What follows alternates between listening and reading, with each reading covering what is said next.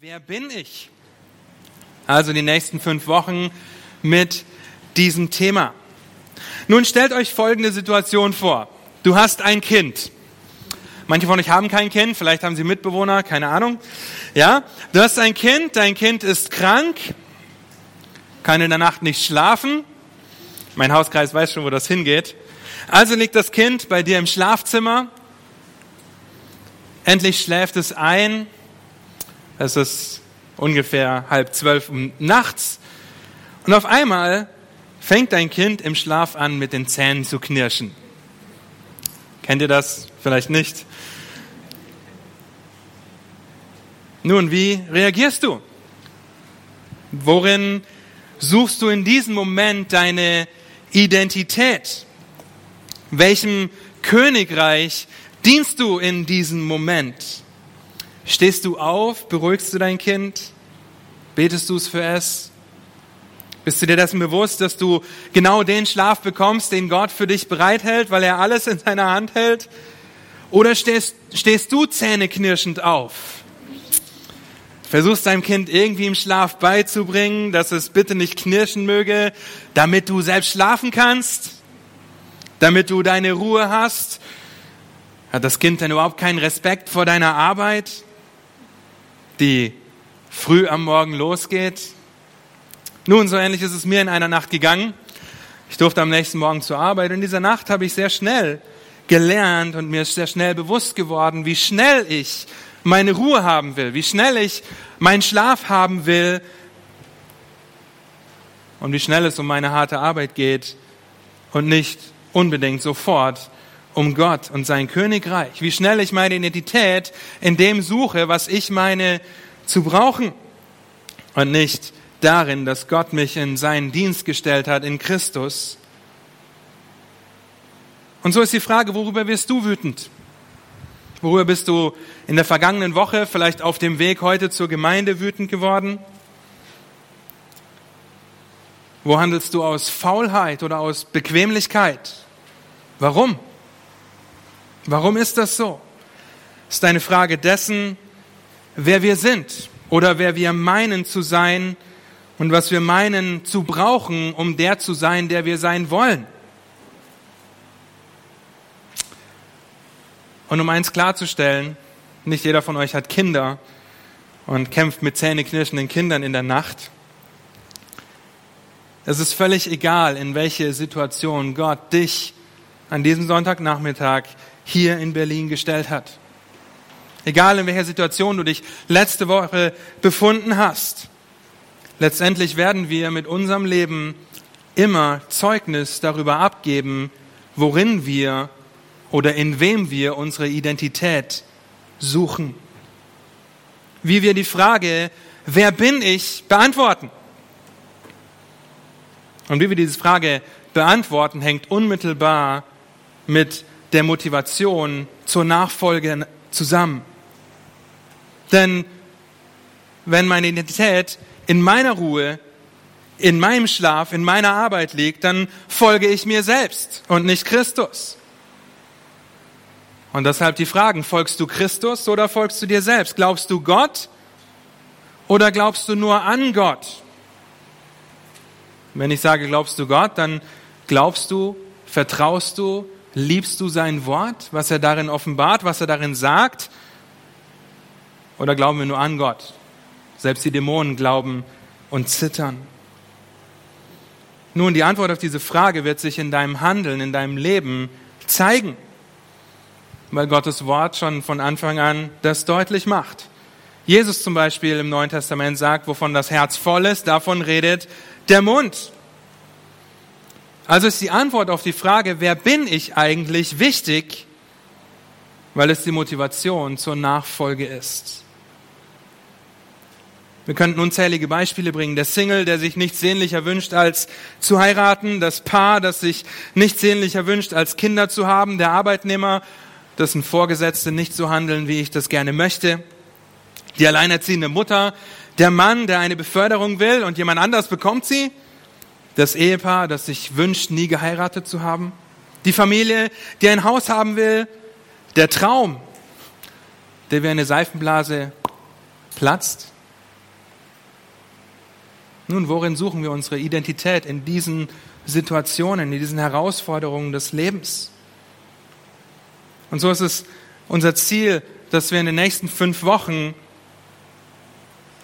uns damit auseinandersetzen, uns ermutigen wollen, gegenseitig ein biblisches Verständnis von unserer Identität in Christus vor Augen zu führen, damit wir würdig des Evangeliums von Christus wandeln können, zu dem wir als Kinder Gottes berufen sind. Heute werden wir nur die Grundlage legen. Wir sind ein Geschöpf, davon haben wir gesungen. Die nächsten beiden Wochen werden wir uns mit Wahrheiten beschäftigen, wer wir in Christus sind. Und die letzten beiden Wochen damit, was das denn jetzt für unser Leben bedeutet. Was das für Auswirkungen für meine Nachfolge hat und wie mich das motiviert, ihm zu folgen.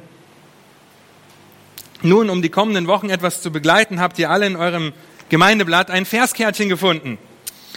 Das ist vielleicht etwas ungewohnt, ja, für mich genauso wie für euch.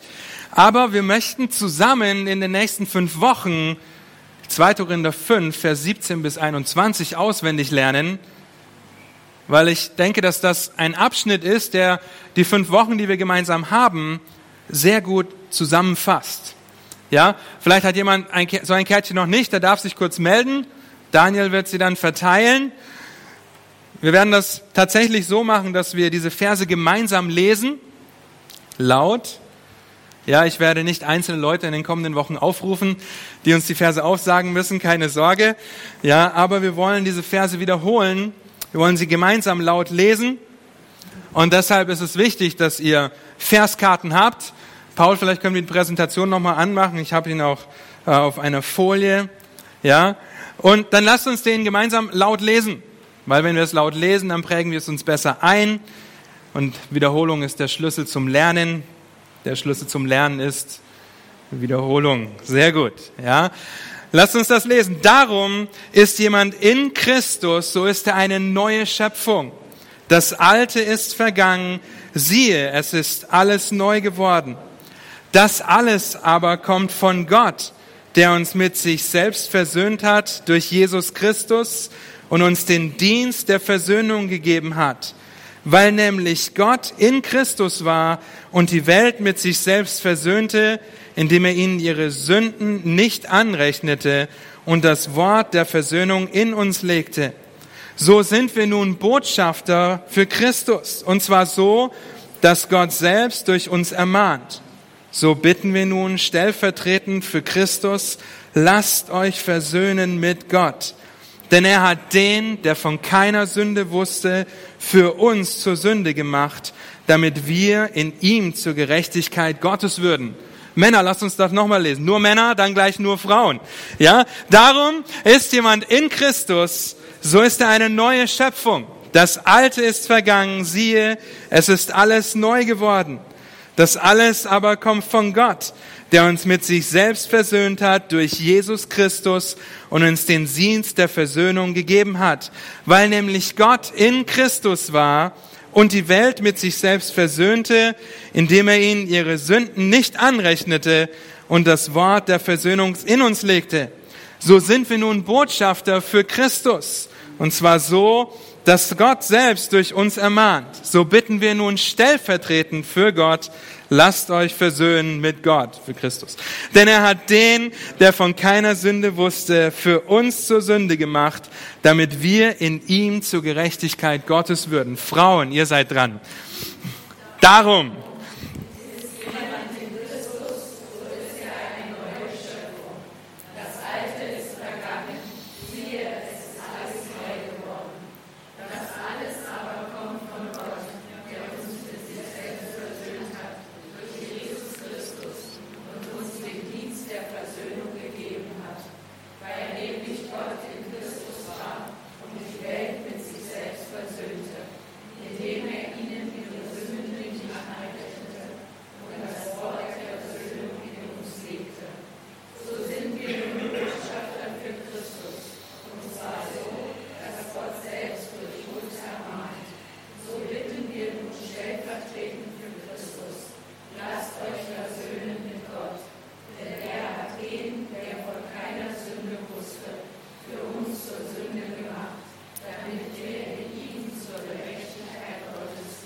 Vielen Dank. Sind das nicht wunderbare Verse? Vielen Dank. Wir können die Folie wieder schließen.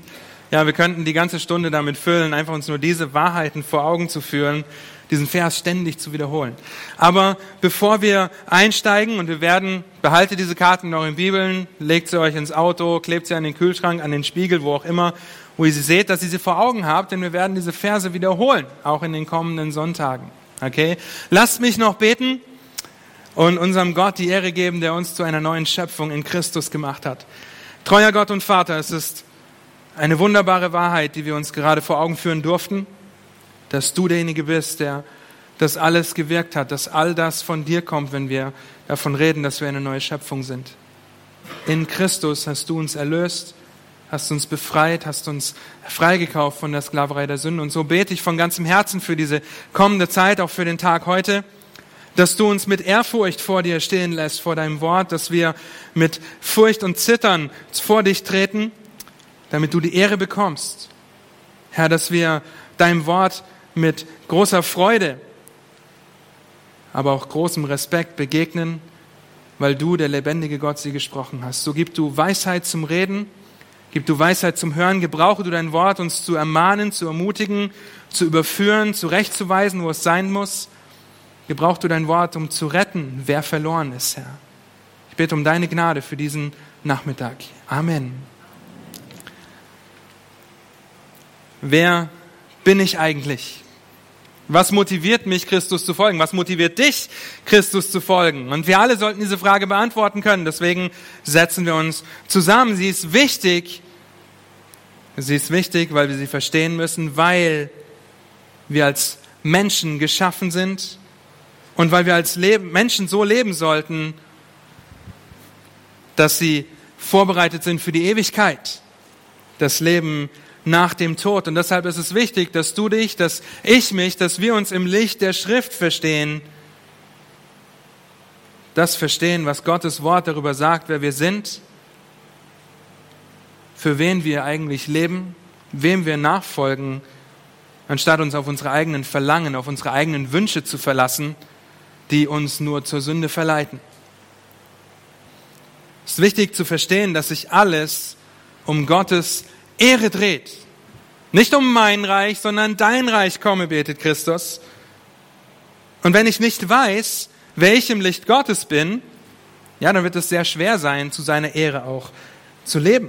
Wird es mir schwerfallen, seine Ehre richtig einzuordnen. Und deshalb wollen wir kurz darüber nachdenken, was es bedeutet, jemandem die Ehre zu geben. Dass es nicht ganz so abstrakt für euch bleibt. Ja, im Hebräischen ist das Wort für Ehre das kleine Wort Kabot. Und es bedeutet Gewicht. Wenn etwas Gewicht hat, in diesem Verständnis, dann ist es etwas wert. Nehmt Gold zum Beispiel. Wer mag schätzen, was so der derzeitige Kilopreis für Gold ist? Was schätzt ihr?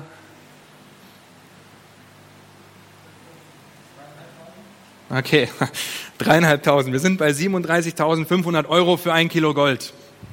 Okay? 37.500 Euro für ein Kilo Gold. So ein Kilo Gold hat ungefähr die Größe meines Smartphones. Das hat nicht 37.000 Euro gekostet, ist auch nicht aus Gold. Hat ungefähr die Größe meines Smartphones. Mein Smartphone ist sogar noch größer als ein Kilo Gold. Das hat Wert. Ist ein seltener Rohstoff der hat Gewicht, der hat Wert. Im Vergleich dazu, wir haben uns in den letzten Monaten und auch im letzten Jahr viel mit Bauschutt beschäftigt, weil wir gebaut haben.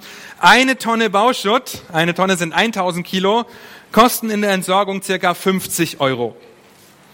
Also 0,05 Cent, noch weniger, pro Kilo. Das hat keinen Wert. Ja, ist meistens nur Staub und Abfall. Nun, es geht um Gewicht, es geht um Ehre.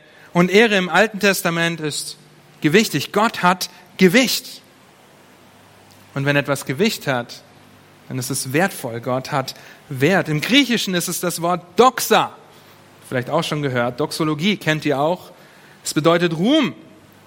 Seinen Ruhm zu verkündigen. Seine Ehre zu verkündigen. Um das Ganze vielleicht in eine hilfreiche Definition zu bringen, möchte ich euch dabei helfen. Gott die Ehre zu geben, bedeutet, seinen Ruhm zu verkünden und den Wert dessen zu betonen, wer Gott ist und was er tut. Gott die Ehre zu geben bedeutet seinen Ruhm zu verkünden und den Wert dessen zu betonen, wer Gott ist und was er tut. Ist die Frage, trifft das auf dein Leben zu? Ist dein Leben davon gekennzeichnet, die Entscheidungen, die du triffst, die Gespräche, die du führst, die Gedanken, die du hast, die Gefühle, die in dir toben? Geht es um Gottes Ruhm und die Gewichtigkeit dessen, wer er ist, oder geht es dir um dich selbst? Kannst du auch darüber nachdenken in dem Sinne von Überlegenheit und Vorrangstellung. Wenn du über Gottes Überlegenheit nachdenkst, dann mach das zu deiner Priorität, denn er ist der Schöpfer des Universums. Wir haben es gerade gesungen. Er ist der Schöpfer. Er hat all das hier durch sein Wort geschaffen. Er ist der heilige, abgesonderte Gott. Mach ihn zu deiner Priorität. Gib ihm die Vorrangstellung in deinem Leben. Denn Gottes Ehre ist Gottes höchstes Ziel. Ja, Gott existiert, um Gott zu präsentieren, um sich selbst die Ehre zu geben. Und das zieht sich wie ein Faden durch die Schrift. Wir lesen nicht alle Stellen, aber ein paar. Jesaja 42, nur zwei Kapitel weiter nach dem, was wir letzte Woche gehört haben. 42, Vers 8 sagt Gott, ich bin Jahwe, das ist mein Name und ich will meine Ehre keinem anderen geben, noch meinen Ruhm den Götzen. Niemand ist Gott gleich. Lasst ihn uns erheben. Psalm 19, Vers 2. Die Himmel erzählen die Herrlichkeit Gottes und die Ausdehnung verkündigt das Werk seiner Hände. Da steht nicht, die Himmel erzählen unter anderem die Herrlichkeit Gottes und vielleicht noch ein bisschen von den Bibelgemeinden Berlinern, sondern allein die Herrlichkeit Gottes ist das, was verkündigt wird durch die Schöpfung. Es geht um Gottes Ehre. Ein sehr bekannter Vers, 1. Korinther 10, Vers 31. Ob ihr nun esst oder trinkt oder sonst etwas tut, tut alles zur Ehre Gottes. Dann, wenn es um unsere Errettung geht, Epheser 3, Vers 20 und 21, ein Teil steht hier. Dem aber, der weit über die Maßen mehr zu tun vermag, als wir bitten oder verstehen, gemäß der Kraft, die in uns wirkt, ihm sei die Ehre in der Gemeinde, in Christus Jesus, auf alle Geschlechter der Ewigkeit der Ewigkeiten. Amen. Es geht um Gottes Ehre. Alles dreht sich um Gott.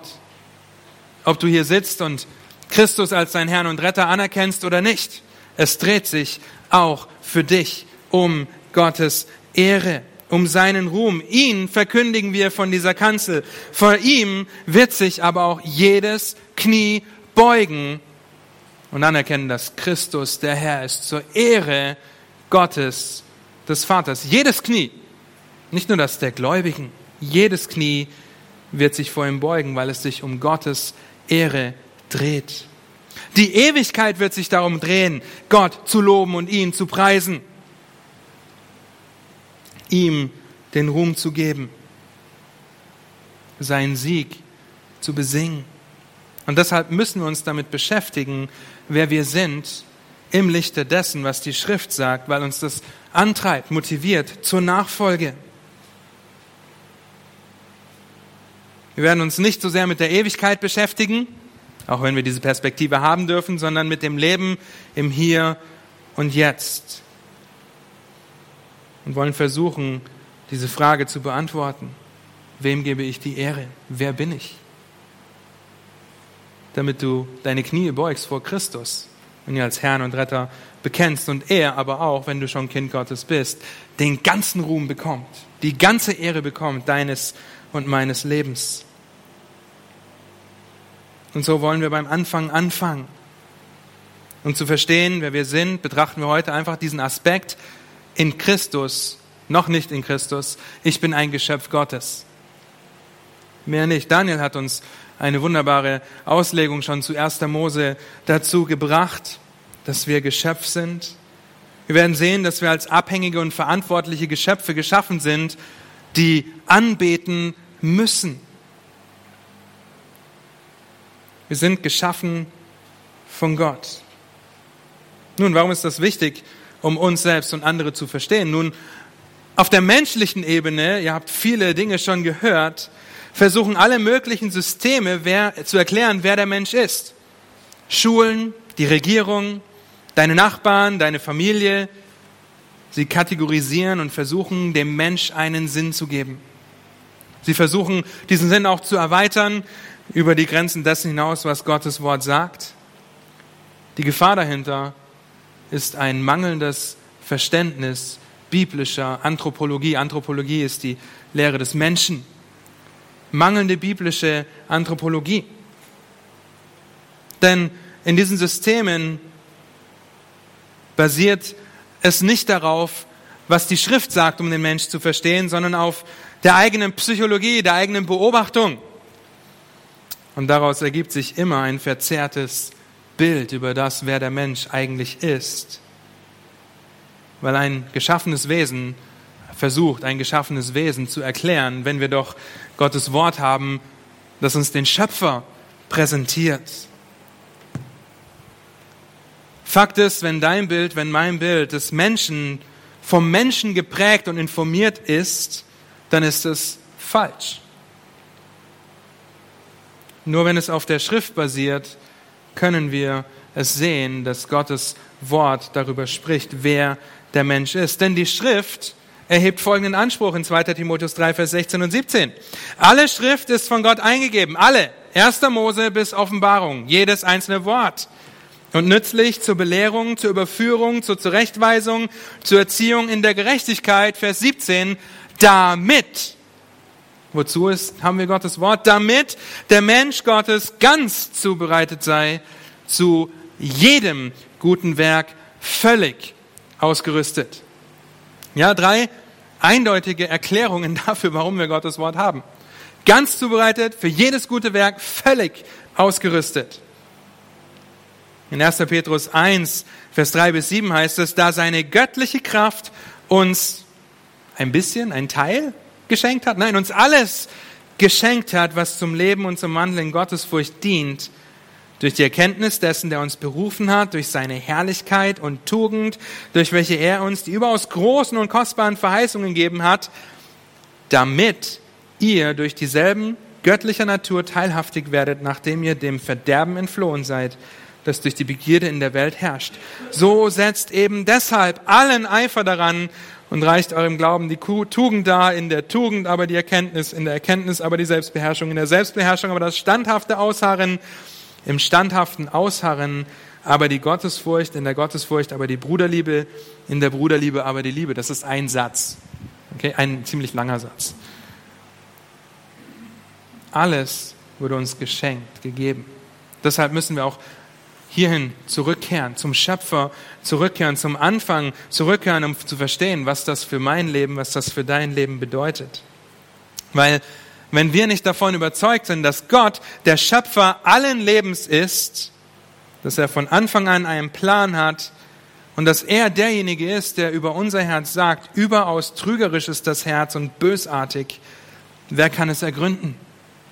Ich, Jahwe, erforsche das Herz und prüfe die Nieren um jedem Einzelnen zu vergelten, entsprechend seinen Wegen, entsprechend der Frucht seiner Taten. Jeremia 17, Vers 9 und 10.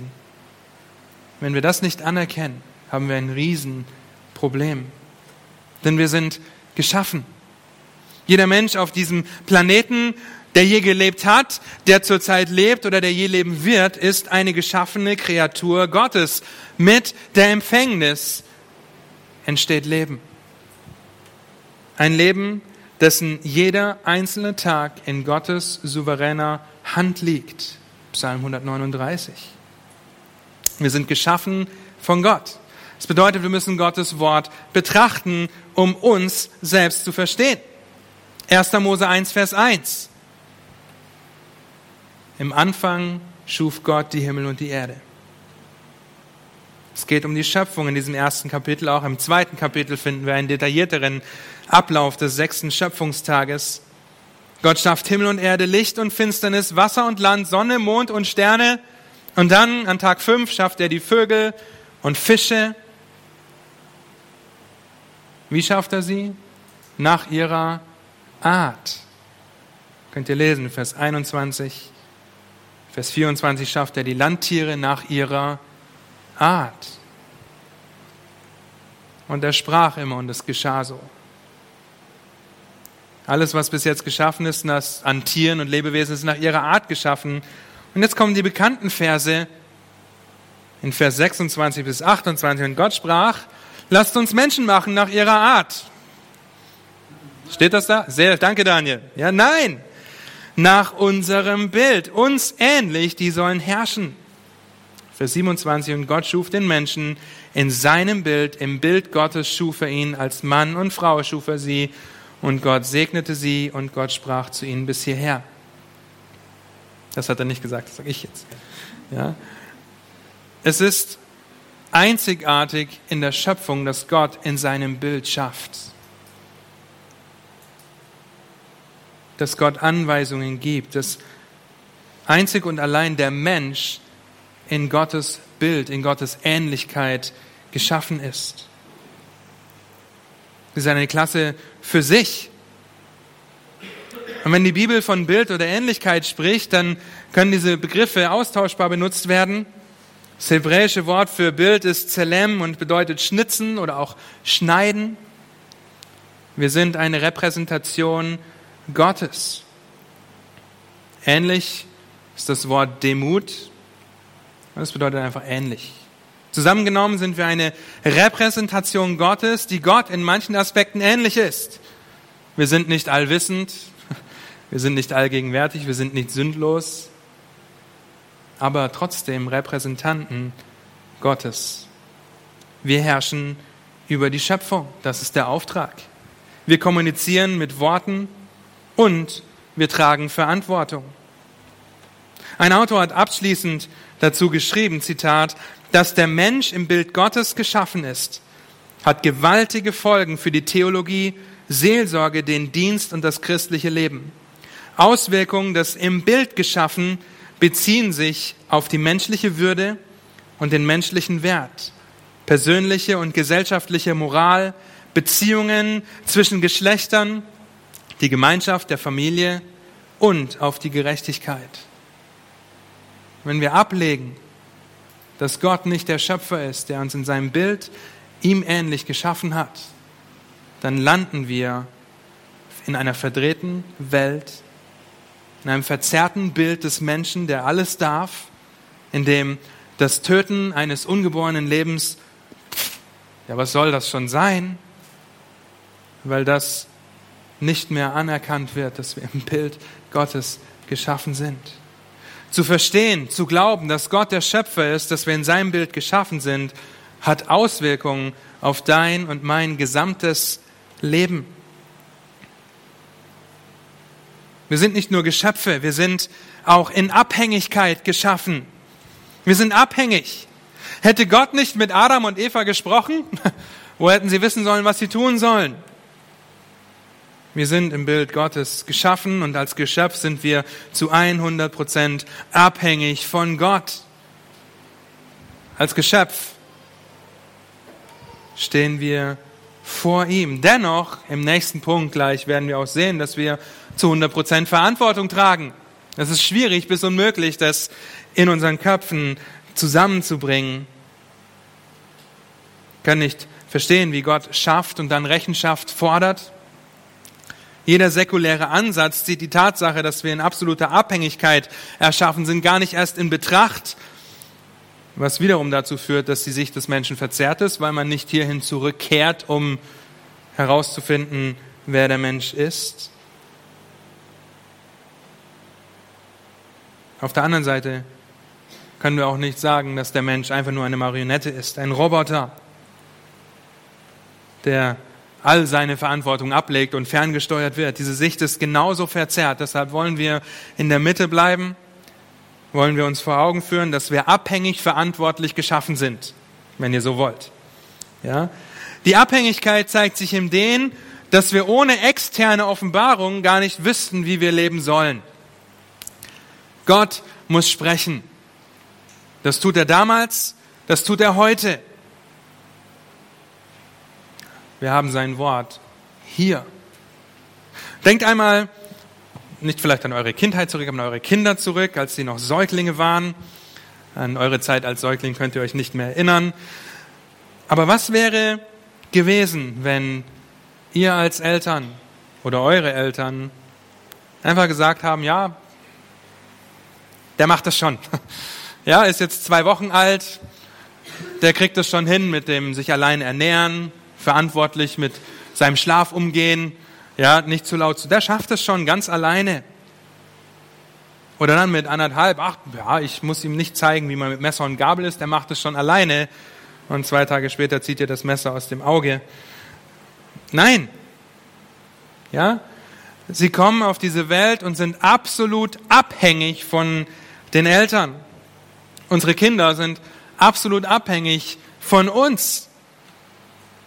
Würden Miriam und ich uns nicht um die Kinder kümmern, dann würden sie verkümmern, weil sie absolut unfähig sind, selbstständig zu leben.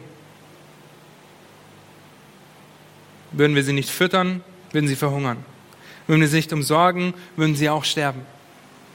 Nun auf der anderen Seite, jeder, der Kinder hat oder ein Kind war, weiß das, dass Kinder ganz schön brüllen können, ganz schnell ihren eigenen Kopf haben können, ganz schnell lernen, unsere Götzen zum Vorschein zu bringen, wenn ihr so wollt. Ja, ganz schnell lernen und genau wissen, den Knopf muss ich drücken, dann ist Papa an der Decke. Oder Mama oder meine Schwester. Die lernen das ganz schnell, dass sie nicht einfach nur Marionetten und Roboter sind, weil ich habe das meiner Tochter nicht beigebracht welche Knöpfe sie drücken muss, damit Papa an die Decke geht. Ja? Warum sollte ich ihr das beibringen? Nun, ich erinnere mich an Nächte, in denen ich sehr oft Buße tun musste, weil ich es nicht geschafft habe, geduldig und liebevoll, barmherzig zu sein, wenn eins meiner Kinder geschrien hat und ich meinen Schlaf nicht bekommen habe, meine Ruhe. Die lieben Kinder sind so ein tolles Beispiel dafür, was es heißt, abhängig zu sein und doch eine eigenständige Persönlichkeit zu haben. Sie brauchen unsere Erziehung. Die ganzen Sprüche sind dazu geschrieben. Wie sollte ein Kind sonst irgendetwas wissen? Wie sollte das möglich sein? Nun, Gott sagt uns von Anfang an, wie ein Leben mit und ohne ihn aussieht. Von Anfang an sagt er und offenbart sich und gibt die Anweisung für das Leben, wie es funktioniert. das, was alles heute passiert, was vielleicht letzte Woche in deinem Leben passiert ist, das steht alles schon fest vor Grundlegung der Welt. Wie wir darauf reagieren können, steht schon fest, weil Gott es in seinem Wort geoffenbart hat. Gott sagt nicht, Peter hat letzte Woche äh, wieder einmal über den Durst getrunken und muss Buße darüber tun, braucht Hilfe.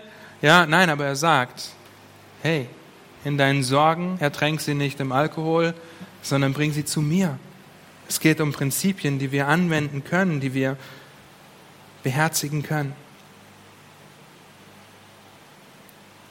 Wir sind abhängig. Wir brauchen Gottes Wort. Wir sind Offenbarungsempfänger. Wir benötigen Anweisungen für unser Leben. Denkt darüber nach.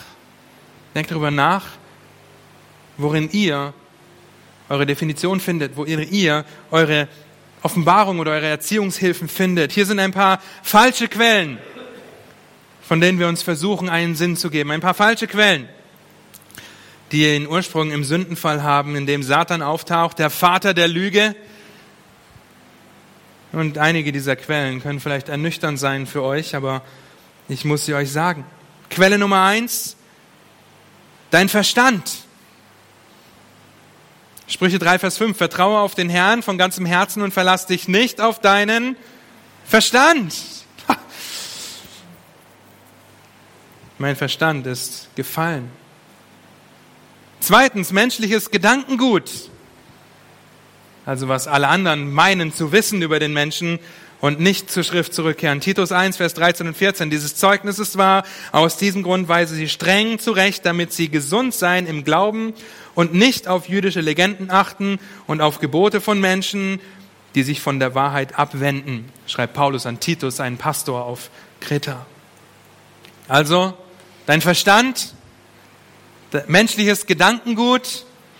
Drittens, Erfahrungen und Gefühle. Ja, wer hat sich schon mal auf seine Gefühle verlassen? Ich auf jeden Fall, hat nicht gut geendet, weil Gefühle wie ein Fähnchen im Wind hin und her flattern. Erfahrungen, Gefühle drittens. Psalm 73, Vers 2 und 3. Ich aber fast wäre ich gestrauchelt mit meinen Füßen, wie leicht hätte ich einen Fehltritt getan, denn ich beneidete die Übermütigen, als ich das Wohlergehen der Gottlosen sah. Also Asaf, der diesen Psalm schreibt und dann später schreibt er, ich bin fast gefallen, bis ich in das Haus Gottes ging und auf ihr Ende acht gab. Können Psalm 73 lesen, ein wunderbarer Psalm. Erfahrungen, Gefühle. Also Verstand, menschliches Gedankengut, Erfahrungen, Gefühle und viertens Ausbildung und Wissen. Ja, als Pastoren dieser Gemeinde, wir haben die meisten, wir haben alle einen Master in irgendeinem theologischen Bereich. Aber es ist, es ist nichts. Es kann eine Quelle falscher Offenbarung sein, wenn ich mich davon abhängig mache. Ausbildung oder Wissen eine falsche Quelle. Philippa 3, Vers 4 bis 7. Obwohl auch ich mein Vertrauen auf Fleisch setzen könnte, wenn ein anderer meint, er könnte auf Fleisch vertrauen, ich vielmehr. Beschnitten am achten Tag aus dem Geschlecht Israels vom Stamm Benjamin, ein Hebräer von Hebräern im Hinblick auf das Gesetz, ein Pharisäer im Hinblick auf den Eifer, ein Verfolger der Gemeinde, im Hinblick auf die Gerechtigkeit im Gesetz untadelig gewesen. Aber was mir Gewinn war, das habe ich um des Christus willen für Schaden geachtet. Ja, ich halte es für Dreck. Mach nicht dich oder andere zur Quelle der Wahrheit, zur Quelle dessen, worüber ich meine, mich zu identifizieren, worüber ich meine, eine Antwort darauf zu finden, wer ich denn bin. Gott allein ist die Quelle der Wahrheit. Von ihm sind wir abhängig. Nun, wenn wir, wie gesagt, aufhören würden damit, und sagen würden, ja, wir sind abhängig geschaffen, dann könnten wir jetzt beginnen, über die Allversöhnung zu sprechen, weil wenn wir abhängig sind, dann sind wir Marionetten und letztendlich werden wir dann alle gerettet, weil es ja nicht anders geht. Aber Gott hat uns auch mit Persönlichkeit geschaffen. Mit Persönlichkeit, die einmal Rechenschaft ablegt vor einem heiligen Gott für das, was wir getan haben. Wir sind geschaffen mit Verantwortung. Adam und Eva sind von Anfang an geschaffen mit Verantwortung. Sie sollten den Garten bebauen, aber vom Baum des, der Erkenntnis des Guten und Bösen sollten sie nicht essen. Verantwortung. Als sie es tun, werden sie für ihre Taten zur Verantwortung gezogen, aus dem Garten geworfen. Noch mehr Flüche auf sie gelegt. Ja, die Schmerzen bei der Entbindung, der Schweiß bei der Arbeit, den manche Männer vielleicht zurzeit erfahren, weil es schön warm ist. Ja, bei UPS erfahren wir das ganz, ganz bestimmt. Wir sind geschaffen mit Verantwortung. Mit einem Herzen, das Entscheidungen trifft. 1. Mose 3, die Entscheidung, nicht Gott, sondern Satan zu glauben. Und Gott zieht Adam und Eva dafür zu Verantwortung. Als Abhängige sind wir Ton in Gottes Hand. Als Verantwortliche müssen wir Rechenschaft für unsere Taten ablegen. Galater 6, 7 und 8 sagt, Irrt euch nicht, Gott lässt sich nicht spotten. Denn was der Mensch sät, das wird er auch ernten. Denn wer auf sein Fleisch sät, der wird vom Fleisch Verderben ernten. Wer auf den Geist sät, der wird vom Geist ewiges Leben ernten. 5. Mose 28, ein weiteres Beispiel für die Verantwortung, die das Volk Israel trägt. Gehorsam bringt Segen, Ungehorsam bringt Fluch. Im Neuen Testament finden wir immer wieder diese Aufforderung, wandelt würdig, tötet Sünde ab, tut das Gute, vergeltet Böses mit Gutem. Seid langsam zum Sprechen, langsam zum Zorn und schnell zum Hören. Aufforderungen, die uns vor Augen führen, dass wir Verantwortung tragen. Verantwortung in Abhängigkeit zu Gott. Schlag bitte Römer 1 auf, um das noch mehr zu verdeutlichen. Die restliche Zeit werden wir hauptsächlich in Römer 1 verbringen, ab Vers 18. denn es wird geoffenbart Gottes Zorn vom Himmel her über alle Gottlosigkeit und Ungerechtigkeit der Menschen, welche die Wahrheit durch Ungerechtigkeit aufhalten, weil das von Gott Erkennbare unter ihnen offenbar ist, da Gott es ihnen offenbar gemacht hat, denn sein unsichtbares Wesen, nämlich seine ewige Kraft und Gottheit, wird seit Erschaffung der Welt an den Werken durch Nachdenken wahrgenommen, sodass sie keine Entschuldigung haben. Denn obgleich sie Gott erkannten, haben sie ihm doch nicht als Gott geehrt und ihm nicht gedankt, sondern sind in ihren Gedanken in nichtigen Wahn verfallen und ihr unverständiges Herz wurde verfinstert. Leute, kein Mensch kann sagen, niemand, der in diesem Raum sitzt, kann sagen, er habe es nicht gewusst. Ich hatte keine Ahnung. Es ist unmöglich, es nicht nicht zu wissen. Habe ich es richtig gesagt? Ja, also es ist möglich, das zu wissen und deshalb tragen wir Verantwortung für unser Handeln. So sind wir geschaffen. Wir mögen das nicht zusammenbringen, aber das ist das, was die Schrift lehrt, was die Schrift sagt. Es sind die zwei Seiten einer Münze. Deshalb werden wir zur Buße aufgefordert, zur Umkehr. Und wenn Gott zieht, dann kehren wir um. Wenn Gott zieht, kehren wir um, und zwar 180 Grad. Vom geistlichen Tod zum geistlichen Leben, vom Feind zum Freund, vom Verurteilten zum Vergebenen. Und darüber nachzudenken sollte uns mit Gänsehaut, mit, sollte uns Gänsehaut geben, weil es Wahrheiten sind, wenn du sie für dich in Anspruch nimmst, die wir ebenfalls nicht begreifen können. Wie kann ein heiliger Gott mich, einen verdorbenen Sünder, retten? Und darüber werden wir die nächsten Sonntage reden. Und diese Umkehr, ja, dieses, dass Gott uns gezogen hat, dass er uns erlöst hat, dass er uns aber auch geschaffen hat, bringt uns zu diesem dritten Aspekt, dass wir Geschöpfe sind. Dass nämlich jeder Mensch als ein Anbeter geschaffen wurde. Zwangsläufig ist das das Resultat der abhängigen Verantwortung als geschaffene Person. Zwangsläufig ist das das Resultat, dass wir Anbeter sind. Die Frage ist nur, was oder wen betest du an? Wen oder was liebst du, ehrst du, sagst, ich kann nicht ohne? Dein Herz wird immer irgendetwas oder irgendjemanden anbeten oder dienen. Wenn nicht Gott, dann etwas anderem. Warum wollen wir, was wir wollen? Warum denken wir, was wir denken? Warum fühlen wir, was wir fühlen? Warum tun wir, was wir tun? Nun, die Antwort ist einfach. Weil wir Anbeter sind. Wenn du dir Sorgen machst, dann betest du an. Wenn du wütend oder frustriert bist, dann betest du an. Wenn du bitter bist, betest du an. Wenn du, ihr könnt die Lücke füllen. Ich hoffe, ihr versteht, was ich meine. Der Mensch ist immer ein Anbeter. Römer 1, Vers 22. Da sie sich für weise hielten, sind sie zu Narren geworden und haben die Herrlichkeit des unvergänglichen Gottes vertauscht mit einem Bild, das dem vergänglichen Menschen, den Vögeln und vierfüßigen und kriechenden Tieren gleicht. Darum hat Gott sie auch dahingegeben in, ihre, in die Begierden ihrer Herzen zur Unreinheit, sodass sie ihre eigenen Leiber untereinander entehrt, sie, welche die Wahrheit Gottes mit der Lüge vertauschten und dem Geschöpf Ehre und Gottesdienst erwiesen, anstatt dem Schöpfer. Bis hierher. Der Schöpfer, der gelobt sei in Ewigkeit. Amen. Das sind harte Worte. Harte Worte für jeden Menschen. Die Herrlichkeit Gottes vertauscht mit einem Bild. Die Wahrheit Gottes vertauscht mit einer Lüge. Die Ehre, die dem Schöpfer gebührt, vertauscht mit der Ehre für ein Geschöpf. Jeder Mensch ist ein Anbeter. Paulus schreibt das weiter in Vers 26. Darum hat sie Gott auch dahingegeben in die in entehrende Leidenschaften, denn ihre Frauen haben den natürlichen Verkehr vertauscht mit dem widernatürlichen. Gleicherweise haben auch die Männer den natürlichen Verkehr mit, den, mit der Frau verlassen und sind gegeneinander entbrannt in ihrer Begierde und haben Mann mit Mann Schande getrieben und den verdienten Lohn ihrer Verirrung an sich selbst empfangen.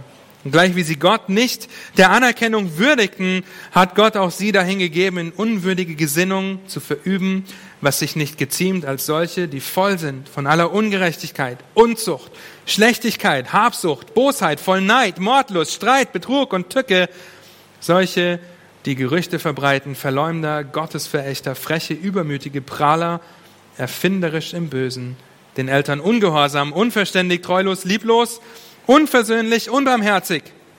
Obwohl sie das gerechte Urteil Gottes erkennen, dass sie des Todes würdig sind, welche so etwas verüben, tun sie diese Dinge nicht nur selbst, sondern haben auch Gefallen an denen, die sie verüben. Und wisst ihr, was Paulus an anderen Stellen schreibt? Solche sind etliche von euch gewesen. Oh, ich war meinen Eltern ungehorsam. Ich war lieblos, verleumderisch. Wir tun, was wir tun, weil wir wollen, was wir wollen, weil unser Herz immer zum Vorschein kommt, weil es immer um Anbetung geht. Es geht immer um Anbetung. Es gibt keine Grauzone, entweder Gott oder etwas anderes. Ich hoffe, ihr versteht das. Und Gott hat Gnade für den schlimmsten Sünder. Für denjenigen, der am tiefsten gefallen ist, hat Gott Gnade, weil er errettet, weil er zieht. Es ist ihm ein kleines, einen Sünder zu retten.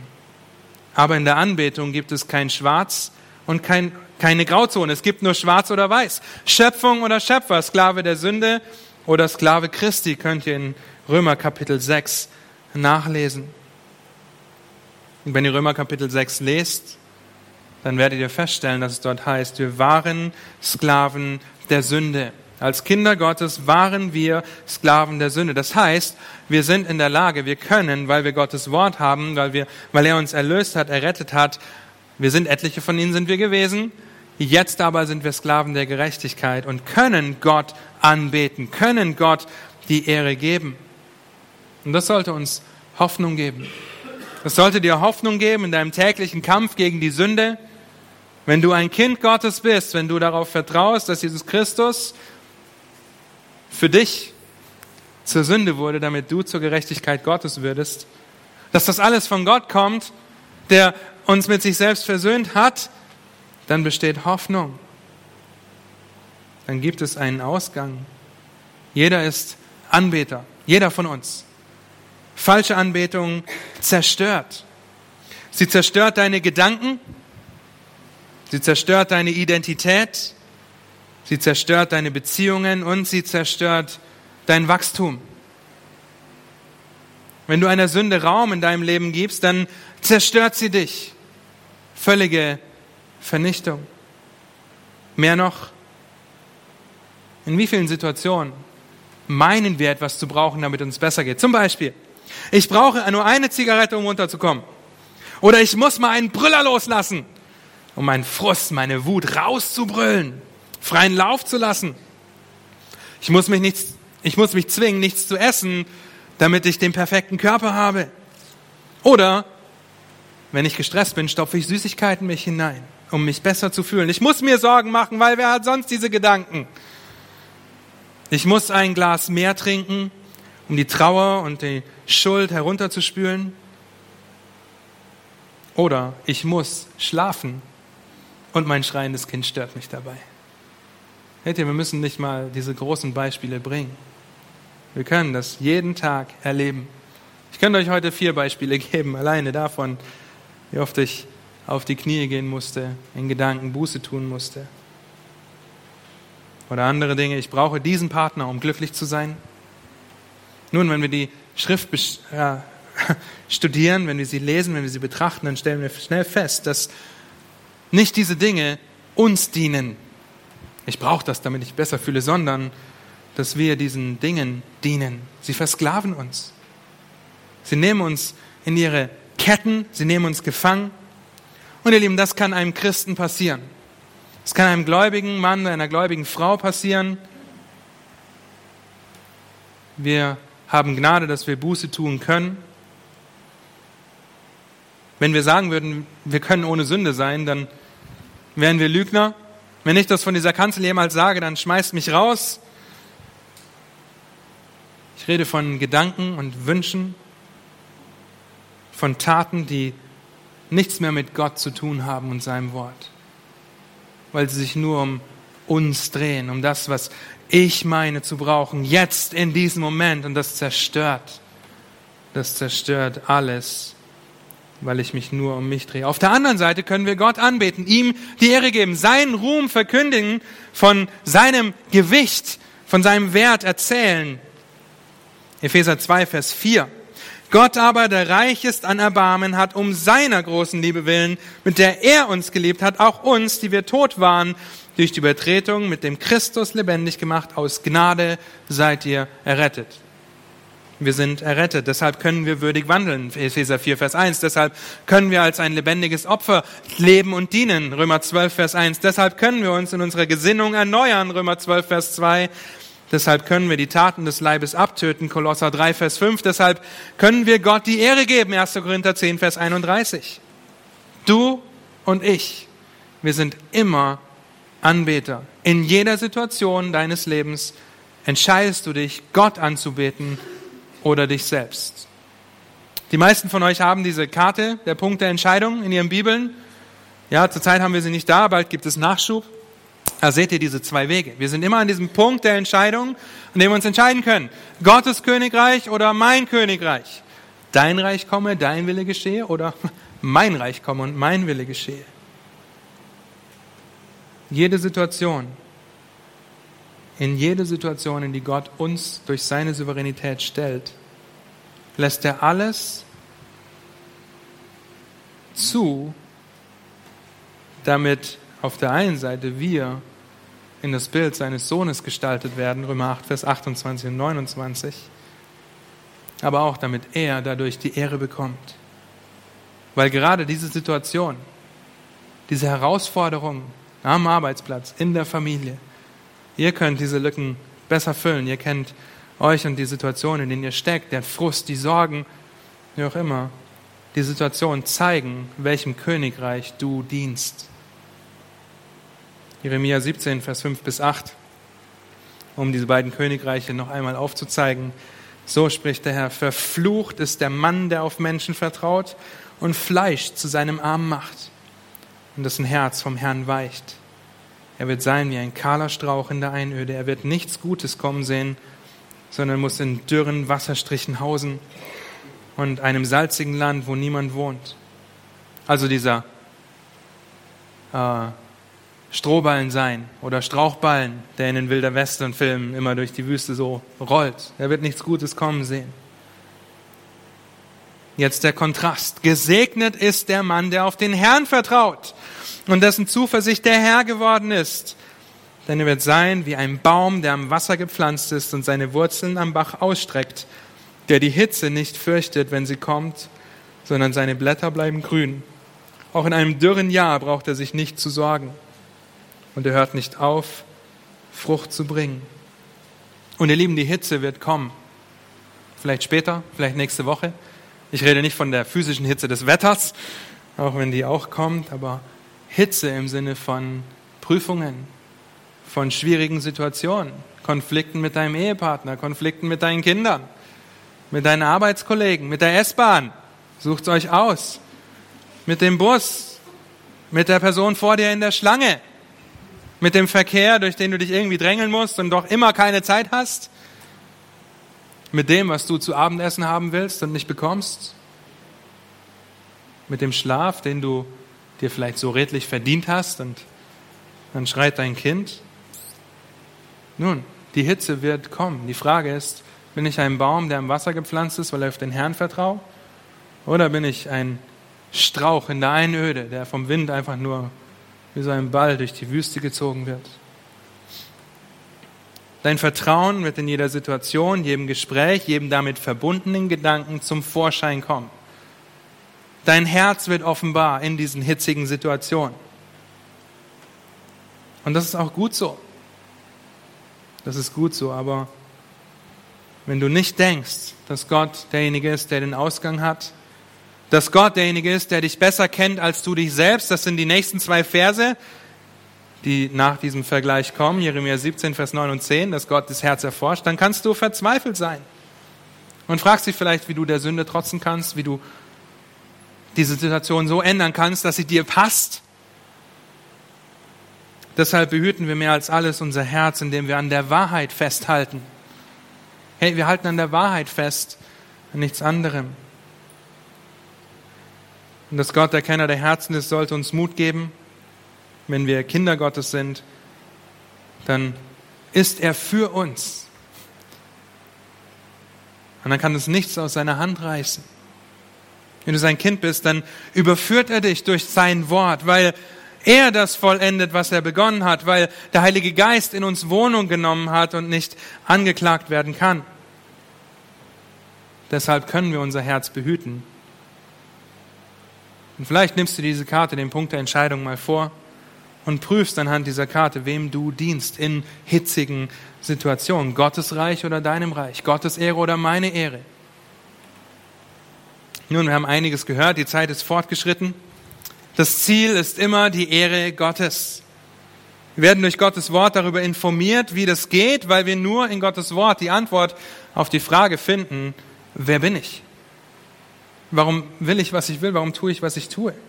Wir haben gelernt, dass wir von Gott als abhängige, verantwortliche und anbetende, anbetende Personen geschaffen sind, die sich im Licht der Bibel prüfen müssen. Aber was können wir daraus lernen? Wie hilft uns das? Wie bereitet uns das auf hitzige Situationen in der nächsten Woche vor? Hier sechs Anwendungen. Vielleicht können wir die Präsentation nochmal anmachen. Ich habe euch die sechs Anwendungen kurz aufgeschrieben, Sie sie fotografieren könnt oder wie auch immer abtippen. Wenn ich nicht, wenn ich mich nicht im richtigen Licht betrachte, dann wird mein Bild verzerrt sein. Das heißt, ich muss mich im Licht der Offenbarung Gottes betrachten. Das heißt, wie oft liest du deine Bibel? Ja, liest du sie sonntags, weil du halt in den Gottesdienst kommst und sie da halt aufgeschlagen wird? Und vielleicht im Hauskreis noch? Nun, getrennt von Gottes Offenbarung, der uns als abhängig geschaffen hat, kann ich nicht begreifen, wer ich bin und wie ich in solchen Situationen reagieren soll.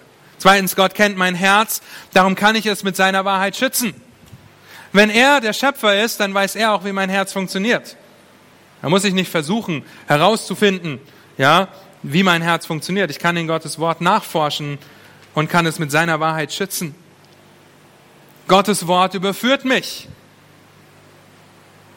Wieder, wenn Gott der Schöpfer ist, dann weiß er, wie er sein Wort gebraucht, um uns zu überführen. Hebräer 4, Vers 12 und 13. Gottes Wort ist schärfer als ein zweischneidiges Schwert und durchdringt alles. Viertens, die Tatsache, dass ich abhängig und verantwortlich bin, sollte mich demütig machen. Demütig vor einem absolut souveränen und großen Gott. Jeder Atemzug kommt von Gott. Apostelgeschichte 17 könnt ihr das nachlesen. Und dennoch fehle ich so oft darin, ihm dafür die Ehre zu geben. Es sollte mich zutiefst demütig machen, dass ich von Gott geschaffen und abhängig bin. Nicht nur Demut, sondern auch eine tiefe Dankbarkeit, weil alles, was mir, was mir oder um mich herum geschieht, geschieht, weil Gott die Ehre und mich verändern will. Ja, es geht um Gottes Ehre und darum, dass ich in Christi Licht verändert werde. Wir werden nicht in die Debatte einsteigen, ja, was mit Kriegen und Mord und Totschlag ist, weil wir wissen, dass Gott der gerechte Richter sein wird, der eines Tages Gericht üben wird, zur Rechenschaft ziehen wird und die Ehre bekommt. Also dankbar. Und sechstens, ich muss Gott die Ehre geben und alles daran setzen, meine Sünden mit seiner Hilfe abzutöten, weil ich Gott, weil ich weiß, dass Gott mich dazu befähigt, ihn anzubeten. Wir haben den Heiligen Geist. Ja, wir könnten jetzt durch die fünf Gs gehen. Gemeinschaft, Gottes Wort, Gehorsam, Gebet und Glaube. Und könnten betrachten, wie all diese fünf Dinge dazu beitragen. Ein sechstes G fängt mit L an, aber das wäre Leid. Ja, wie das dazu beiträgt, dass wir Gott ähnlicher werden und ihm die Ehre geben. In Leid ganz besonders auch. All diese sechs Anwendungen können euch helfen in der kommenden Woche. Es war wirklich die Grundlage heute für die folgenden Predigten. Ja, die nächsten Sonntage werden wir uns in unserer Identität in Christus beschäftigen.